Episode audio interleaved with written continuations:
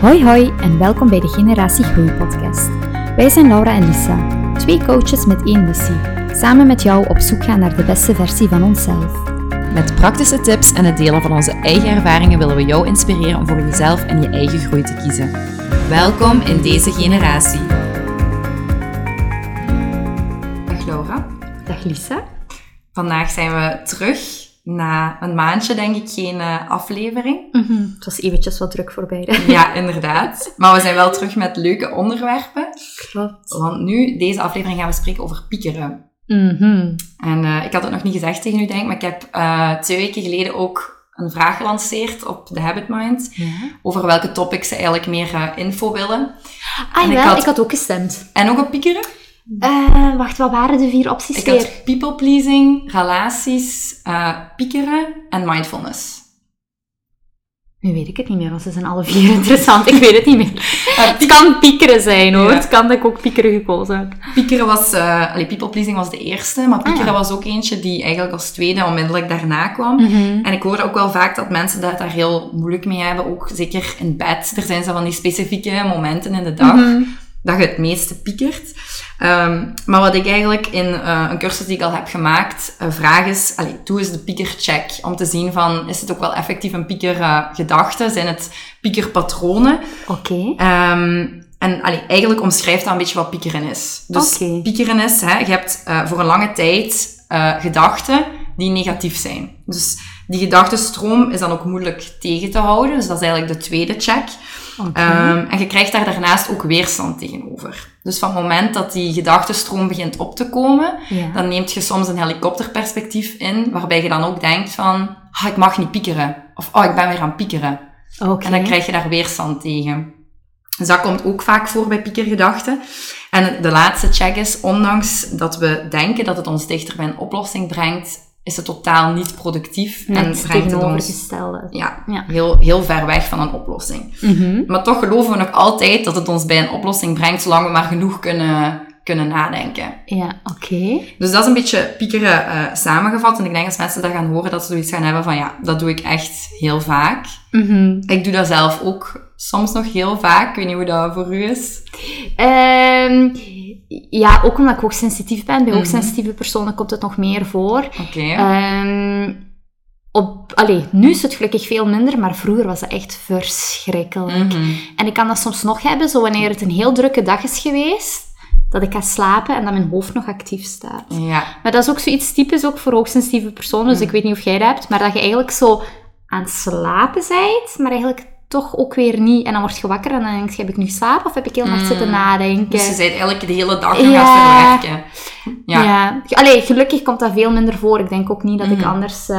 allee, want dat was vooral zo tijdens mijn studententijd. Mhm. Eh, en in het begin van dat ik werkte. En nu heb ik dat zo af en toe. En dan weet ik weer van... ah, Ja, Mhm. mijn dag was te druk. Of ik heb Ja. niet voldoende tijd genomen om het even te... Laten bezinken. Yes. Ja, ik eh, had vroeger ook veel meer piekergedachten dan nu. En ik ga het er zo dadelijk over hebben, want er zijn twee vormen van piekeren. Ehm, ik piekerde heel veel over eh, het verleden, Mhm. maar daarnaast ook over de toekomst. Hè. Ik zal er Ja. zelfs meer over vertellen. En ik heb wel geleerd om zo het toekomstpiekeren Mhm. eh, wat los te laten. Dus zo de wat als, Ja. ehm, dat gaat bij mij veel beter. Waar ik soms nog aan moet werken, is zo terugpiekeren over iets in het verleden. Dus dat er bijvoorbeeld iets gebeurt en dat Ja. ik daar dan de hele tijd over aan het herkouwen ben. Zo. Ah, Dus ja, je hebt echt het, het Mhm. toekomstpiekeren, maar daarnaast ook het herkouwen. En dat zijn eigenlijk twee verschillende dingen. Ja. Maar het is wel piekeren. Mhm. Ehm, en brengt u beide niet bij de oplossing. Nee, klopt. Nu, ehm, ja, de, de kenmerken zijn dus ja, dat het lang duurt. Hè. Ze volgen elkaar snel op. Ehm, het brengt je niet dichter bij de oplossing. Het is vooral negatief, dus niet positief. Eh, en je hebt er weerstand tegenover. Ja. Nu, wat ik meestal vraag dan aan coaches is... stel je gepieker eens even een vraag. Om even bij de basis te komen. Ehm u zelf een aantal vragen te stellen om te weten van oké, over wat gaat dat hier eigenlijk? Ehm, dus ik heb dan vier vragen eh, waar ik ze over laat nadenken. Ik neem die dan ook op in, allee, in een werkboek, zodat ze daarover kunnen nadenken in, in de komende weken. De eerste vraag is over wat pieker je? Wat is de specifieke situatie? Ja. Is het dan inderdaad een specifieke situatie of kunnen het ook thema's zijn? Ook thema's. Ah, ja. Ja, dus het is eigenlijk alles... Allee, het zijn vier vragen die u helpen om beetje patronen te zien in uw gepieker. Ja, oké. Want gepiekerd, allee, het kan zijn dat je over heel veel piekert, Mhm. over heel verschillende dingen. Maar het is goed om een beetje te zien van in welke concrete situatie heb ik het al sneller dan in andere. Ja. Oké. Dus de eerste vraag is over wat pieker je, wat is de situatie. De tweede Mhm. is wanneer pieker je vaak. Ah, ja. Dus echt om te kijken van, zijn er bepaalde momenten in de dag dat ik meer pieker? Bijvoorbeeld bij het slapen gaan. Ja. En zoals je zegt, als je de dag, de dag doorbrengen, Mhm. valt best goed mee. Ja. Eens dat je tot rust moet komen eigenlijk om te gaan slapen, dat kan bijvoorbeeld dan een gelijk gezegde moment zijn dat het meest pieker opkomt. Ja. Dus de wanneer, hè, gelinkt aan de tijd, is ook een belangrijke vraag om eh, u te stellen.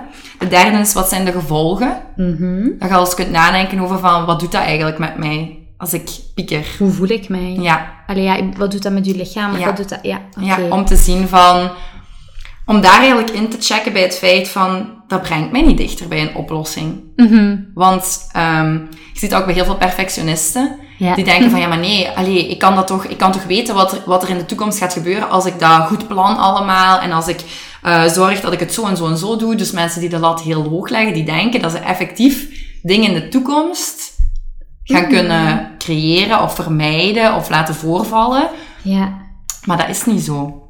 Oké, ja, ja, maar dat, ik, ik merk dat vaak bij ehm, de mensen die ik begeleid. Ik heb het ook eens ergens gelezen, maar je hoort het ook vaak terug aan bod komen van dat piekeren inderdaad voor hun een manier is om controle te hebben. Ja, Heel erg van, vanuit hun hoofd. ja, ja. Als- En dat, eh, ja, dat kan bijna een verslaving worden eigenlijk. Ja, ja. zeker. Omdat ze op die manier denken dat ze vat hebben op alles er wat gaat er gaat gebeuren. gebeuren. Mhm. Dus echt zo de, de, con- ja, controlefreak, zal ik noemen. Als, als ik alles goed plan, dan zal dit en dit en dit niet gebeuren. Mhm. Maar als dat dan gebeurt, ja, helemaal van slag zijn, zal ik zeggen. ja. Maar dan het piekeren daarbij niet in vraag stellen. Zo van, ah ja, zit je? Ik had nu gedacht dat ik het helemaal volledig had onder controle had. En Ja, het was niet zo. Terwijl dat zijn dan zo die momenten waarbij je kunt denken van, kijk, ik kan zoveel piekeren als ik wil. Mhm. Ik heb er niet per se controle over. Ja, en soms is loslaten de, de beste optie om de kalmte te bewaren. ja. Zeg maar. Ja, ik wou zeggen, het- is gewoon omdat, dat, dat lijkt zo'n heel tegenstrijdige oefening, maar dus toen dat ik, eh, hoe oud was ik, 19 of zo, Ja. toen ging ik dus naar een psycholoog voor het piekeren. Mhm. Omdat dat bij mij echt heel extreem was. En toen was er een oefening vanuit de cognitieve gedragstherapie. En Ja. ik geef die nu dus ook vaak aan, eh, aan mensen die ik begeleid. Mhm. En dat is eigenlijk een piekerenmoment inplannen. Ja. En dat is dus eigenlijk dat je echt zegt van oké, ik ga een kwartiertje Ja. timer opzetten en efficiënt piekeren. Piekeren. Niks anders. Ja. Ja. En na een kwartier zit je al zo beu als iets. Ja, ja. Ik, ehm, ik had dat hier nog opgeschreven voor mezelf om zeker nog te vermelden. Ah, in de, maar het is goed dat je dat aanhaalt. Want ehm, zeker bij het slapen gaan ook. Mhm. Ehm, allee, eigenlijk alles wat ik over piekeren heb geleerd, één, allee, één boek dat veel mij daarover heeft geleerd, Mhm. zal ik zeggen, is van Philippe Braas, Weg van het piekeren. Ah, ja. Eh, dat is niet zo'n, eh, allee, dat is redelijk nieuw. En hij zegt inderdaad ook, ehm, je moet eigenlijk naast het feit dat je een kwartier, dus een moment Mhm. pakt om te piekeren, ook zien dat je een plek kiest om te piekeren. En niet uw bed. Niet je bed. Ja. ja. Want je, hij, hij spreekt eigenlijk van besmetting van plaatsen Mhm. waarin je piekert. Ja. Ehm, dus daarom is het goed om na te denken van, hè, ehm, waar pieker ik? Ah ja. Hè? ja. Dus op, op welke momenten, zodat Mhm. je kunt zien van, kijk, dat, die slaapkamer is de zone voor mij om te kalmeren, tot rust te komen, Ja. ehm, de dag te verwerken, maar ook, Mhm.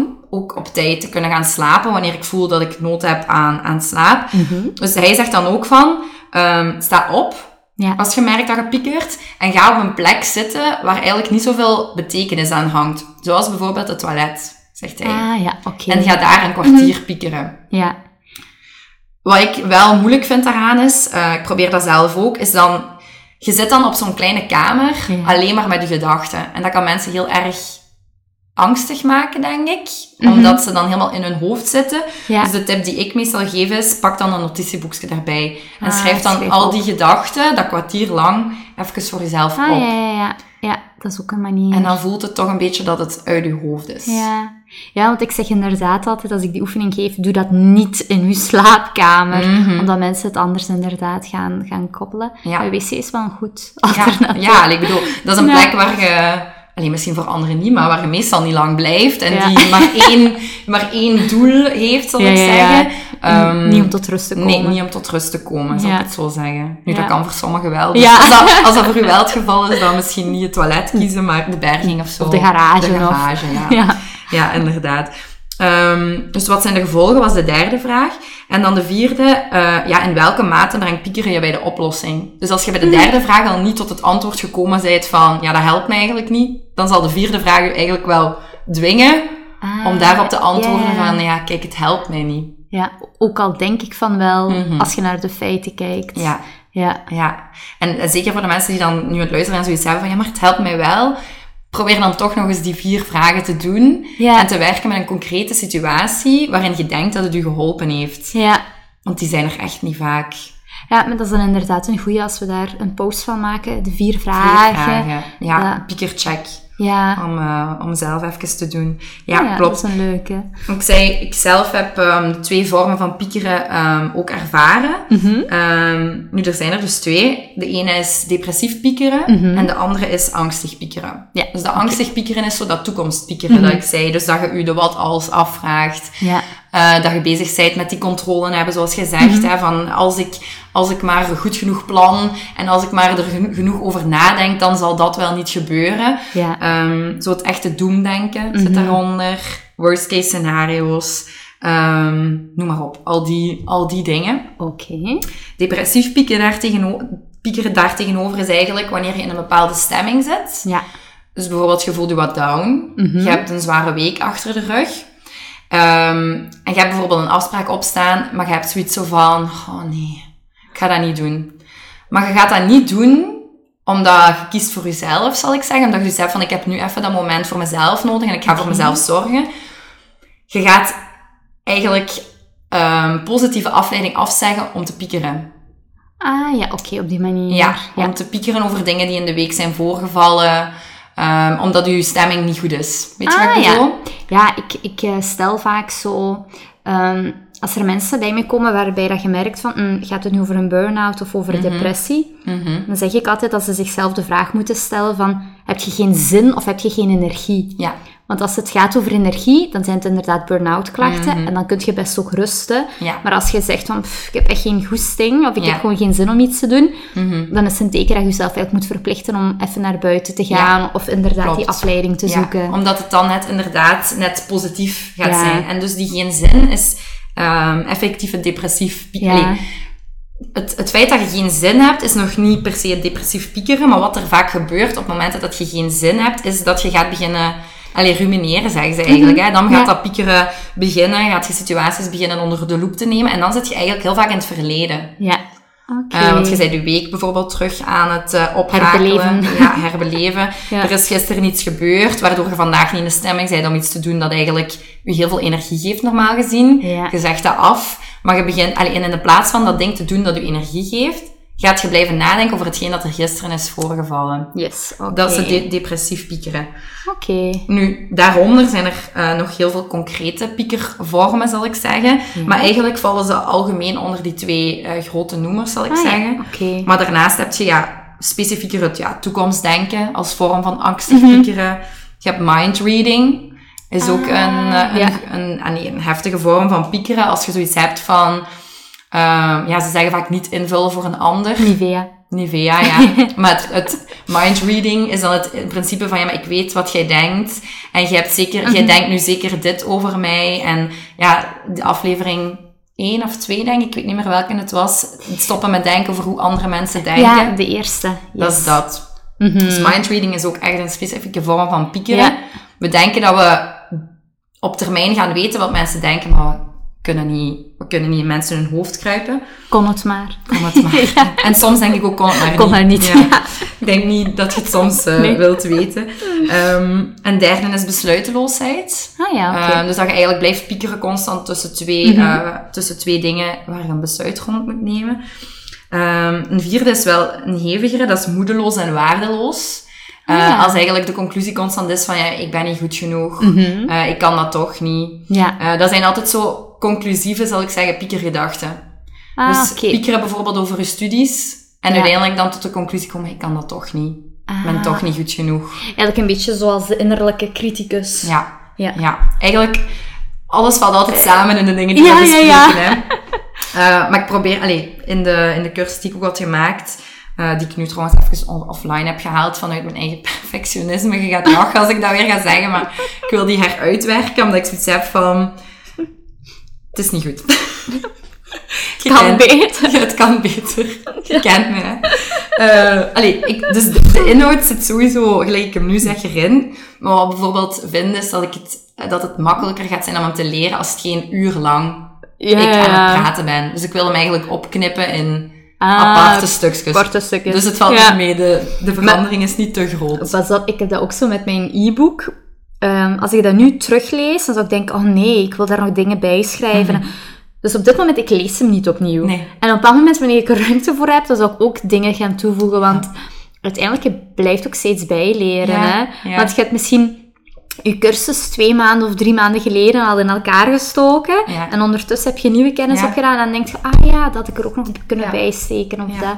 Klopt. Ja, Dus ehm, ik wil daar wel voor een herlancering gaan. oké. Eh, maar dus in die, in die cursus spreek ik eigenlijk over die verschillende piekervormen, omdat allee, als je dan kiest om een cursus piekeren Mhm. te kopen, heb ik zoiets van, ja, die innerlijke criticus moet er dan inderdaad ook bij. Dus dat is inderdaad die moedeloze en waardeloosheid. En dan heb je ook de cheerleader. Ja, Ja, daar tegenover. daar tegenover. Ja. Dus die zit, daar willen we naartoe. Ja, het is dat. En dan de laatste die ik ook nog ehm, daarbij had toegevoegd is over analyseren. Dus dat is het verleden. ja, maar dat is eigenlijk ook iets heel typisch voor mensen die hoogsensitief zijn. Ah ja, oké. Mhm. En wat ehm, over situaties zijn voorgevallen. Dus echt het depressief piekeren. beetje. Ja, vooral het over analyseren, omdat hoogsensitieve personen zijn eigenlijk van nature gewoon mensen die heel goed kunnen analyseren, Mhm. waardoor ze in de valkuil vallen om te overanalyseren.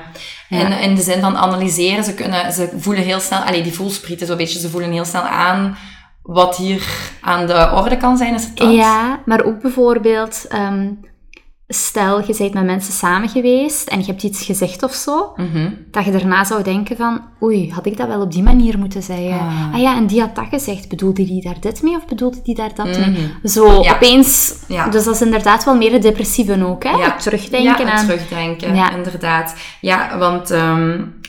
allee, ik zei het, ik ben dan in dat toekomstpiekeren wel beter geworden. Voor mij zat Mhm. dat heel erg op... allee, bij mij zat heel veel angst rond mijn studies, zoals Ja. ik al had gezegd. Maar daar ben ik nu veel beter in geworden. Maar het, depressief piekeren, Ja. soms kan dat nog wel eens voorvallen. En zeker wat jij nu zegt van... Ah, oei, ik bedoelde maar. die dat zo? Ah. Of, ah, ik heb daar dat gezegd. Shit, had ik misschien beter anders gezegd. Dus zo echt de, social anxiety een beetje. Ah, ja, ja, Dat ik, eh, manier. dus dat heb ik soms wel nog. Eh, Dan vraag ik mij af, hè, want je zou dat niet zeggen als je je ziet bijvoorbeeld Mhm. Insta-stories of zo opmaken. Heb je dat dan ook niet als je die hebt opgenomen? Beluistert je die dan nog opnieuw of net niet? Eh, dat gaat beter, dat heb ik niet. Ah ja, oké. Ehm, bij mij is dat vooral, weet je, als je Insta-stories opmaakt, zit, zit jij dat alleen. ja, handig. Ja. Maar ehm, ik heb het heel vaak nog wel in interactie met mensen. Maar ik denk dat dat nog een leerproces is voor mij. En dat is misschien wat dieper. Maar ehm, ik denk dat ik soms mij toch nog anders voordoe dan ik ben. Ah ja, oké. Waardoor je achteraf natuurlijk zoiets hebt van, oei, wat heb ik daar gezegd? En ik denk dat dat een heel interessante is voor mensen. En allee, ik vind dat, dat kwetsbaar om dat te zeggen, dat dat gewoon zelf nog een groeiproces is. Niet Ja, bij iedereen. ja. Eh, maar soms, of, allee, weet je, zoals je de grappige wilt zijn. Mm. Of ehm, ik ben ook, ook altijd zo de conversatiemaker. Ah ja. Dus zo de rol die je opneemt soms bij mensen. Mhm. Maar als je bijvoorbeeld de conversatiemaker bent, dan vertelt je ook veel. En dan Ah. heb ik achteraf soms zoiets zo van, Had ik wel zoveel moeten vertellen. had ik dat wel moeten vertellen. Ja. Snap je? Ehm, dus dat is zelf nog een groeiproces, maar ik denk dat dat wel interessant is voor mensen. En misschien gaan er mensen zich in herkennen van, ja, misschien denk ik inderdaad achteraf heel veel na over hoe ik was in een interactie. Ah ja, ja, ja. Omdat ik eigenlijk mezelf ook niet was in die interactie. Omdat je een rol speelde. Ja. Ik had dat vroeger wel heel fel als eh, inderdaad de grappenmaker. Mhm. Allee, zo de entertainer. Ja. Ik weet nog vroeger op school had iemand tegen mij gezegd, een leerkracht, van ah, je moet stand-up comedian worden. Ik wil altijd gewoon de grappenmaker Mhm. zijn. Ja. Terwijl ik eigenlijk van nature iemand heel gevoelig ook ben. Mhm. En het is door daar zo ook in te groeien en ook soms dat meer te kunnen toelaten. Mhm. En van mezelf te weten, Laura, je moet niet altijd de grappenmaker zijn. Soms moet je ook wel babbelen over dingen die... Dat u, zijn. ja, inderdaad, kwetsbaar zijn. Mhm. En En dan merkte ik dat dat, wat jij nu net vertelde, dat dat minder is beginnen voorkomen, doordat ik inderdaad... Maar ik herken het wel Dat helemaal. je, de pers- allee, dat, je, dat je eigen toeliet. Om niet meer in die rol te stappen ja, altijd. Ja, ja, inderdaad. Maar dat Ja. het wel nog eens fijn is om dat te doen, maar dat je dat dan ook heel bewust doet. Ja, vanuit hun keuze van, oh, kijk even, hè, ik ben in de stemming om grapjes te maken, maar niet vanuit, oei, ehm, hier hangt spanning, ik ga hier een rol op mij nemen, Mhm. want vaak is het van daaruit ook dat ik dat deed. sowieso, sowieso, inderdaad. Nee, ik ben ook graag, allee, ik denk dat dat wel algemeen geweten is, de graag de prater.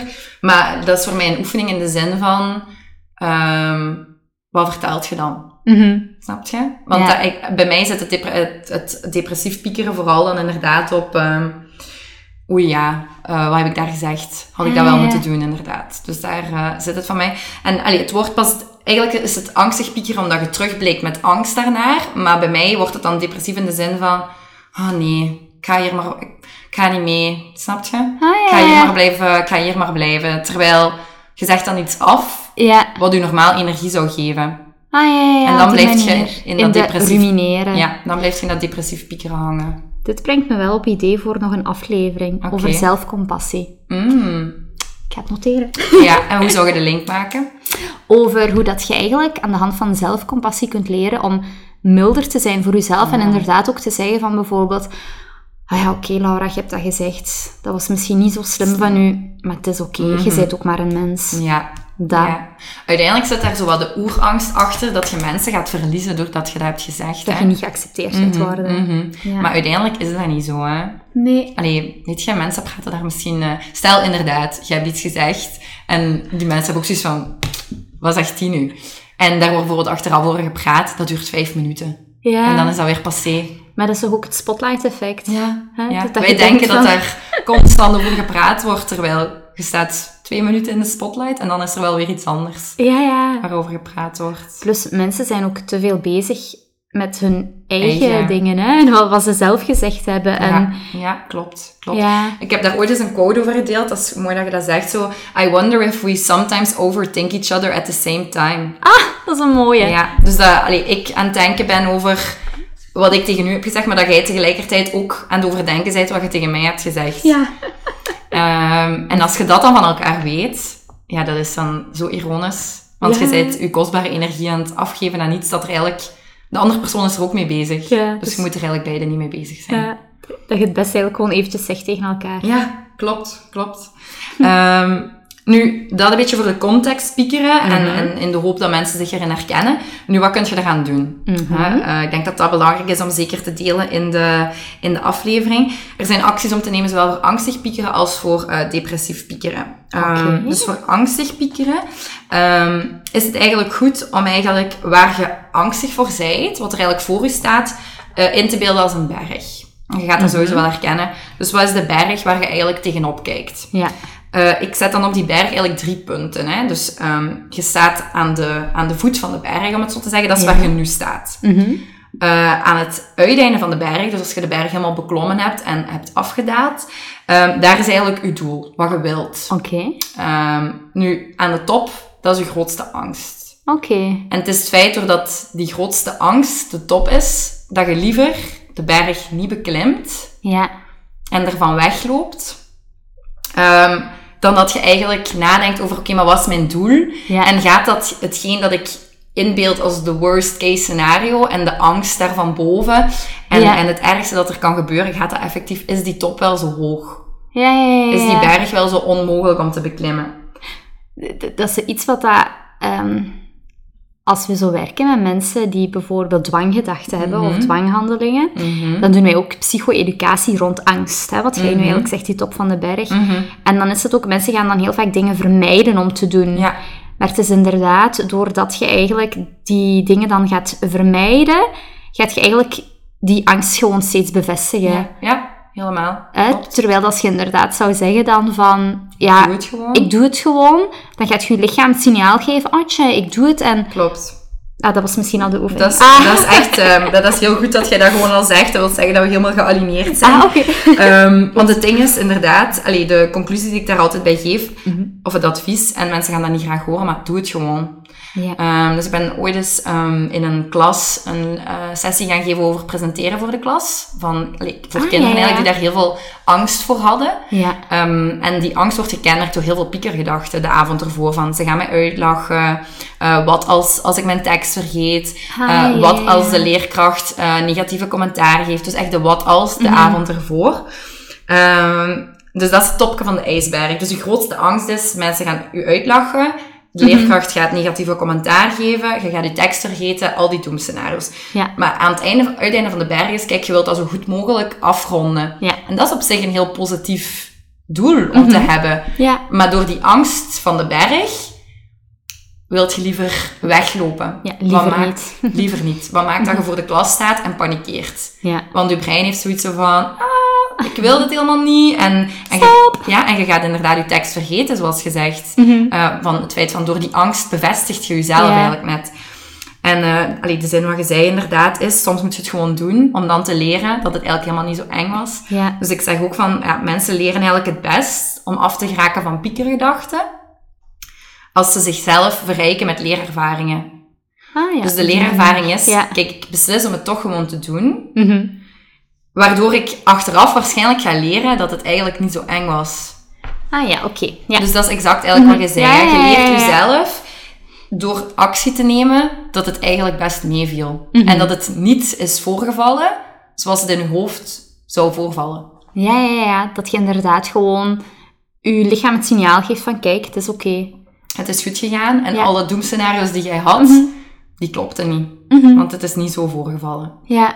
Dus eh, nu, allee, die, dat spreken voor de klas, ehm, dat dwingt u eigenlijk al wat tot actie. Want je moet uiteindelijk wel voor de klas gaan staan. Mhm.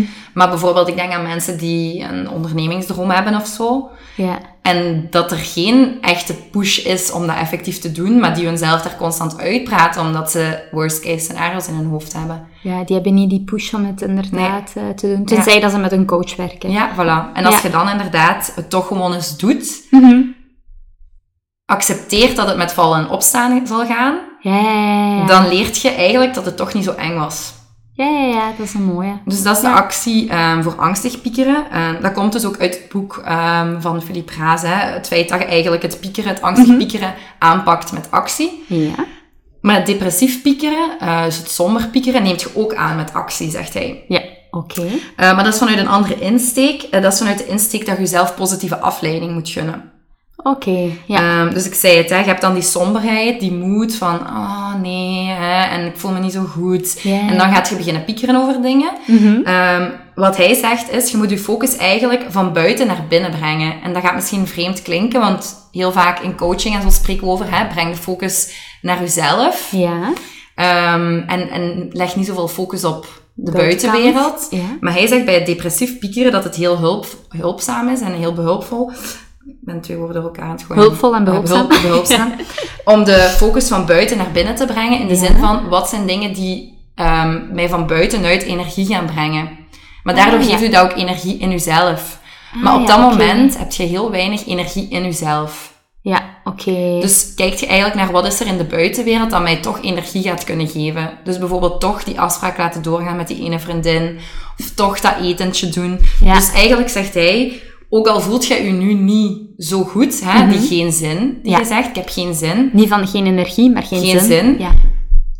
Toch kies ik ervoor, voor die actie, om te gaan, omdat ik me achteraf beter ga voelen. Dat is zoals naar de fitness gaan. Ja, gaan lopen inderdaad. Nooit heeft er iemand zin om naar de fitness te gaan, maar daarna is het altijd Voilà, van... Ja, inderdaad. of ja, jawel, ik heb er nooit zin in tot ik ben gegaan. Er zullen gerust andere mensen zijn die dat wel er wel zin in hebben. Ja. Klopt, dus het is echt eigenlijk kijken naar wat van buiten kan mij energie van binnen geven. Want Mhm. Ja. op dit moment, en dat is ook helemaal oké, hè, heb je de energie niet in jezelf om naar buiten te Ah, geven. ja, ja, ja. Dus het is eigenlijk dan even van buiten naar binnen, wat kan mij nu energie geven? Ah ja, wat kan u opladen? Wat kan u opladen, ja. Ja. Dus ik vind het mooi dat je die nuancering geeft van geen zin en geen energie, want inderdaad, dat is niet hetzelfde advies als je geen energie hebt. Ja, Eh, dan zijn prikkels van buiten soms net die prikkels te veel. te veel. Ah ja, maar dat is een mooie. Ehm, dus ja, ga in op datgene dat u ehm, normaal energie geeft. ah ja, ja. Ehm, was daar de, de boodschap. Oké, dus, dat is een mooie. En dat zijn eigenlijk, allee, zeker uit het boek, het is echt een, een boek om aan te raden, omdat het heel laagdrempelig geschreven is. Ehm, maar dat zijn eigenlijk de twee concrete tips die ik Ah, geef om met het depressief en het angstig piekeren om te gaan.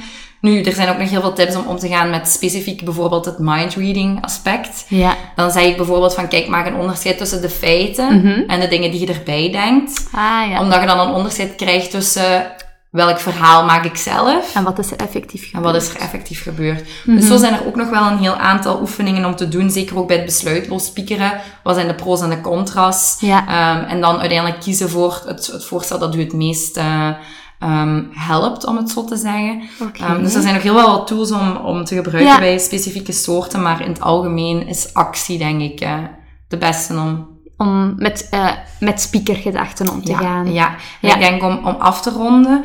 Ehm, wat voor mij ook heel hulpvol is als ik zoiets heb van wow, soms is dat heel overweldigend Mhm. om al die dingen toe te passen, is dat ik vraag aan de coaches van wat kun je nu doen? Ja, Stel je die vraag eens van wat kan ik nu doen? oké. Want zowel bij het depressief piekeren als bij het angstig Mhm. piekeren, zijt je aan het toewerken naar een oplossing, zowel voor het verleden begrijpbaar te maken, Mhm. of voor de toekomst allee, voor, te voorspellen. Maar dat kan alle twee niet. Ja. Dus het enige dat je kan helpen is u nu de vraag stellen van wat kan ik nu doen? Maar dat is wel heel dingen. ehm, dat, dat gaat nog in een andere aflevering aan bod komen van een van favoriete boeken. Of anders ga ik een ander kiezen, maar alleszins Ja. Eckhart Tolle, Kracht van het Nu. Mhm. Ehm, daar gaat het inderdaad ook, ook over hoe belangrijk het is in het nu te leven, Ja. Los van je gedachten. Ja. En ehm, wat daar een hele mooie bij is, een oefening, en die werkt ook echt voor mezelf, is om eigenlijk te gaan leren om als observator naar je gedachten te kijken. Mhm. En gewoon door de vraag te stellen, ik ben benieuwd welke gedachte er nu naar boven gaat Mm. komen, brengt u dan heel erg in het moment. Ja. Want eh, dan opeens zit je echt heel bewust van, gaat er iets naar boven komen of niet? En dat helpt ook om zo even daar een stilte in te ja. krijgen. Ja, ja, ja. Je krijgt eigenlijk een afstand, en dat is op zich waar mindfulness om draait, tussen Ja. twee gedachten. Ja. Doordat jij, jij zit in, in charge, om het zo te zeggen. Hè. Jij zit in controle doordat jij jezelf de vraag stelt en dan komt de gedachte. ja. Ja, interessant. Ja, want misschien daar nog eventjes aan toevoegen, hè, Mhm. langs uw kant. Want jij bent hè, gespecialiseerd in mindfulness. Mhm. Hoe koppelt je dat inderdaad aan het piekeren? Ehm, het ding is, allee, dat, dat is volledig eigenlijk. allee, wacht, ik begin opnieuw. De definitie van mindfulness is eigenlijk dat je gerichte aandacht gaat geven Mhm. ehm, in het nu zonder te oordelen. Ja. En dat is exact eigenlijk. Allee, actie is één tool om te helpen met piekergedachten om te gaan. Mindfulness is een andere. Ja. Ehm, maar mindfulness is ook een vorm van actie. Maar die brengt u echt inderdaad naar het nu. Ah ja, oké. Eh, dus de opdeling van de definitie is, het is gerichte aandacht geven. Dus je gaat gericht aandacht geven aan je piekergedachten. Want ik zeg, ja, ze volgen elkaar heel snel op. ja. En het lijkt alsof je er geen vat op hebt. Mhm. Het lijkt alsof je automatische piloot aan, aan- in werking is. Mhm. Ehm, en je krijgt er weerstand voor. Want ja, ik heb heel veel coaches die zeggen van, ha, ik wil dat het stopt. Ja. Mhm. Ehm, maar dan zit jij op zich niet in controle en geeft je geen gerichte aandacht. Ja. En het is van het moment... Allee, dat helpt ook heel erg, heel erg aan. Ik ben blij dat je het inderdaad zegt, want dat vind ik nog wel belangrijk om te zeggen. Ik zeg ook tegen coaches van, zeg, zeg maar tegen jezelf van, ah, ik ben aan het piekeren. Mhm.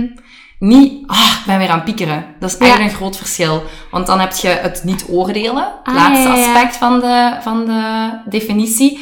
Als je zegt, ah, ik ben weer aan het piekeren, dan voelt je weerstand. Ah ja. Terwijl gelijk, als jij zegt, observator van je gedachten, als jij gewoon met kalmte zegt, ah, ik ben aan het piekeren, Ah ja, ja, ja. dan zit daar een heel ander gevoel. Allee, komt er een heel ander gevoel bij kijken. Ja, want Eckhart Tolle gaat nog een beetje verder op wat Mhm. dat jij nu ook zegt. Mhm. En dat is in plaats van te zeggen, ik ben aan het piekeren, ik heb veel gedachten. Mhm. Om, of er zijn veel gedachten aanwezig, om je eigenlijk daarvan Afstand te afstand te laten nemen, inderdaad. Je daar niet mee te identificeren. Ja, dus Ja. dat is exact dat. En het tweede stukje van de definitie was ehm, ja, in het nu. Omdat wij, allee, op zich is het mooi dat je de link maakt, want dat, de definitie van mindfulness Mhm. is exact depressief en, en, en eh, toekomst in angstig piekeren. Ja. Eh, want in het nu, ik zeg altijd, we zijn ongelooflijke tijdreizigers. Ja. Dus we zijn nooit in het nu bijna. Mhm, Zelden. Zelden. Ja. Nooit is veel gezegd zelden. Eh, dus ofwel zijn we aan het nadenken over iets van in het verleden, ofwel zijn we al bezig met iets in de toekomst. Al zijn we bezig met de, de volgende vijf minuten, bij wijze van spreken. Ja. Maar we zijn, allee, ons brein is niet gemaakt om automatisch in het nu te leven. Ja. Dat is gemaakt om situaties in het verleden nog eens opnieuw te analyseren, zodat ons dat hopelijk meer wijsheid brengt. Zodat je situaties in de toekomst kunt vermijden. Dat wil ons brein. Want dat is extra data, om het zo te Ja, zeggen. ja. Eh, maar dat wil niet zeggen dat we niet ons brein kunnen trainen om in het nu te leven. Maar we moeten dat wel trainen. Ja, want eigenlijk, onze hersenen zijn eigenlijk gewoon te ver ontwikkeld. Ja. Allee, ik bedoel, wij gebruiken ons denkvermogen te veel. Mhm. Het is goed als je dat gebruikt voor bepaalde dingen, zoals Ja. bijvoorbeeld je job te doen en zo. Ja. Maar eigenlijk in het dagelijks leven, Nee. als je het inderdaad stil krijgt, zeg Mhm. maar, dan komen er meer oplossingen bijvoorbeeld naar boven. Hè? Mhm, Klopt. Ja. Ja, en, en zeker omdat je zegt inderdaad stil krijgen. ehm, allee, dat we zeker niet zorgen dat de mensen zoiets hebben van, oh ja, ik wil dat, dat het stil is. Want, want wat jij zei van observator zijn van je gedachten, het is vooral dat. Hè, dat, Ja. is het, dat is eigenlijk het stil krijgen, maar dat wil niet zeggen dat er geen gedachten, Gedachten. meer gaan zijn. Nee. Ehm, dus dat is voor mensen ook een heel grote erkenning in de zin van, ah, ik kan het ook wel stil krijgen, ondanks dat er wel nog gedachten zijn. Mhm. Maar ik merk ze op. Ja. En het is dat ook wat dat jij zegt, hè, door het zo te gaan trainen, door daar heel bewust van te zijn van oké, ik kan ze gewoon observeren Mhm. en ik kan die momenten creëren van hé, hey, er komt even niks. Ja, Zo. Ja. En als je dat al vaak doet, dan gaat je ook merken dat die piekergedachten u niet gaan, ehm, ja, hoe moet ik het zeggen? definiëren. Ja, of ja, ik wou zeggen overheersen, maar Mhm. dat bedoel ik niet. Het gaan overnemen. Ja, ja klopt. Ja. Ja, want het is, het, dat is op zich de, die, allee, een kenmerk van piekeren, dat ze elkaar heel snel opvolgen. Mhm. En dan krijg je, allee, want daar zijn we nu nog niet op verder gaan, maar dat piekeren op zich zorgt voor heel veel, ja, ik vind het altijd moeilijk om te vertalen, maar anxiety, gewoon Ja. angst. Ja. eh allee, actieve angst, om het zo te zeggen. Omdat je het gevoel, omdat je dan de controle verliest. Je brein neemt je mee naar plekken waar je eigenlijk zelf niet wilt zijn. Nee, klopt. Ehm, maar jij kunt wel kiezen hoe lang je in die plek wil blijven, bijvoorbeeld. Mhm. Of dat je zoiets hebt van... Ik pak me even mee naar een andere plek, waarin ik die gedachten eigenlijk als wolkjes, bij wijze van spreken, zie voorbij komen. Ja, ja. Of in de Netflix-serie van ehm, Headspace. Ah, ik heb hem Eh, nog niet gezien, staat wel in mijn lijst. Ja, daar eh, spreken ze ook over de basis van eh, mindfulness en meditatie. Ja. Allee, ik gebruik vaak wolken. Ehm, ik zeg niet, zet je gedachten op een wolk, maar ik heb eerder zoiets van, kijk, gedachten zijn dan zoals wolken, dus die gaan gewoon voorbij. Ah, ja, ja. En jij kunt die observeren, maar Netflix doet dat met een eh, snelweg. Ah, Dus jij gaat aan de kant van de snelweg zitten en je ziet eigenlijk auto's voorbij komen. Soms is het wat drukker en is het file. Ja.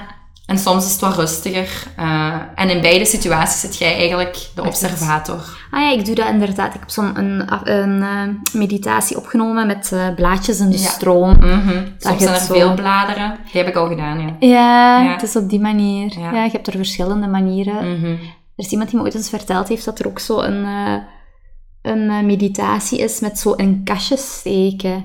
Ah. Zo van gedachten van, ah ja, dat hoort bij het werk, dat hoort bij... Mm. Dat je eigenlijk zo je archiefkast hebt. Ja, klopt. Ah ja, dat is een piekergedachte over mijn vriendinnen. En dat is een pieker... Dat lijkt me ook wel een interessante manier. Eigenlijk alles dat maakt dat je even kunt stilstaan bij Mhm. gedachten is goed. Ja. Maar zonder te oordelen. Ja. Dat is belangrijk. De- het is maar een gedachte. Mhm. En ik ben de gedachte niet. Nee. En de gedachte moet ook niet waar zijn. Ja, ja, ja, dat je dat los kunt zien. Ja, Ja. voilà.